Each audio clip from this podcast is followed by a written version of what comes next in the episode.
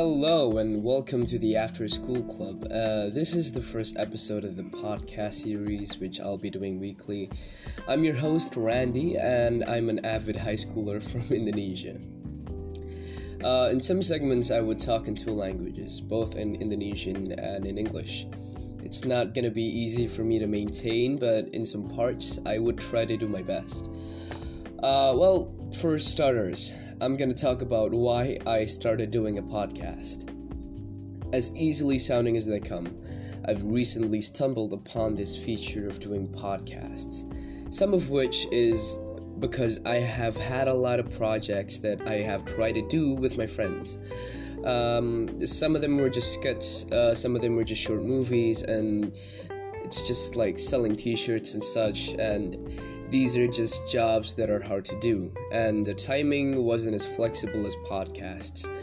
And uh, moreover, budgeting is also the biggest bump that we've had, so I kind of thought to myself, probably doing something that wouldn't cost me a lot of fortune while I'm enrolling in high school as a student would be great.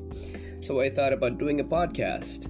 And, uh, you know, for the name, uh, the After School Club, it came to me when I was brainstorming in the middle of the day. Originally, the show was called Indo High School Life, but I kind of thought that it was a bit too hefty, and uh, it's a lot more harder to remember than the After School Club. Uh, the name is actually based on the song by Cosmo Pyke, uh, which has uh, the same title, and it also resembles me doing these podcasts after school. Hence, the name. Uh, the podcast would be posted weekly, and some episodes. It's not just gonna be me and them, and it will. Uh, it would also include some of my unique friends who would be joining these podcasts as well. So uh, some of my friends are a bodybuilder. Uh, some of them are singers. Some of them are designers. Some of them I've worked with and some I haven't. And I thought to myself that they would be interesting to join the club and uh, you know it it would take a lot of scheduling for me to actually get them to appear on the show some of them don't speak english so in some episodes with some guests you would have to be prepared to hear some indonesian but you know no worries for you out there who are more interested in the English part, probably for you to learn more. I'd explain what me and my guests would be talking in some segments as best as I could. And you know, another reason of why I jumped into podcasting is because I've always I've always has been interested to join the entertainment business since I was around 8 years old. I remember specifically that I wanted to be a child actor since I saw a kid the same age as me when I was back uh, when I was 8 years old, I think. Uh, in an Indonesian soap opera. It's actually both that and Macaulay Culkin from Home Alone. And, you know, right there and then, I've always wanted to join the entertainment side of business. And probably it's just a little side of me thought that it would be a good idea for a child actor to come again and make another history, but you know, it's just some expectations that a kid would have uh, with a big imagination. It's not always bad to have a big imagination, but you should really less them you know you should cut them up and don't really think about it because the reality is always different. And you know sometimes it's not because of the i want to join because i want to be famous. It's actually because I've been interested in both acting and directing and you know taking photos and etc for years. And being famous is you know it has always scared me in the long run.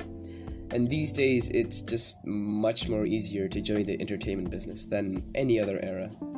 You know, with more and more platform that makes it easier to to do it in, and it's just mind-boggling how much people get famous so easily here just because they posted photos, just because they posted some videos and everything. And you know, it's just like some of them are just like Instagram and Twitter, YouTube and Xhamster, and it's it's much more easier to be in the entertainment business these days.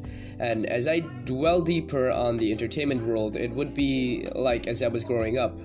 I just realized that it's much more darker than was being shown on the media. Actors using drugs for stamina, uh, depressed because of their uh, tainted names, and a lot more problems behind the scenes, which makes me scared of being in the entertainment business.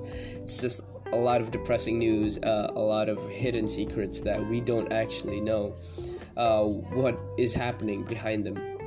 But you know, I I've always tried to put them aside I've always wanted to join it, and it, you know, the education here in my country, they do have some schools which specializes in the media. They're dedicated to give them jobs after they've graduated, but they make it harder for them to join universities. And yes, uh, these dedicated schools are in the high school ballpark, which means they teach how to do their jobs early in age, uh, probably from age 16 to 18. And as a high school student myself in the fourth most populated country in the world, I realized that the media is uh, the most targeted subject for them to join these platforms. Uh, Instagram celebrities is such a huge title here. It's uh, something they gloat over so much. I don't care how much fucking follower you have on Instagram, on Twitter, or how much subscribers you have on YouTube. It's just not something to be you know gloating over i mean you could do that but you know just be fair to some other people who don't really have the luxury that you do and uh, you know, it's baffling how much people would, you know, would do this.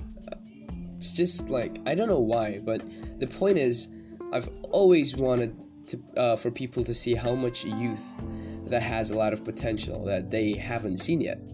Probably it's because they don't see them as special as they are, or as special they should be. And I want to open their eyes on how much they, uh, how much the world could view them you know how much the how much they could view the world. I, am not making sense but it's just how i say it. And you know I, I, I am actually kind of weirded out. I don't know any other subjects but i should talk about anymore. So this is it for the first episode of the after school club. Uh, i'm not i'm sorry it's not as long as it should be uh, should be but as of now this is the only subject that i could possibly think of I'll see you guys next week for episode 2, and I hope the best for the club. Adios.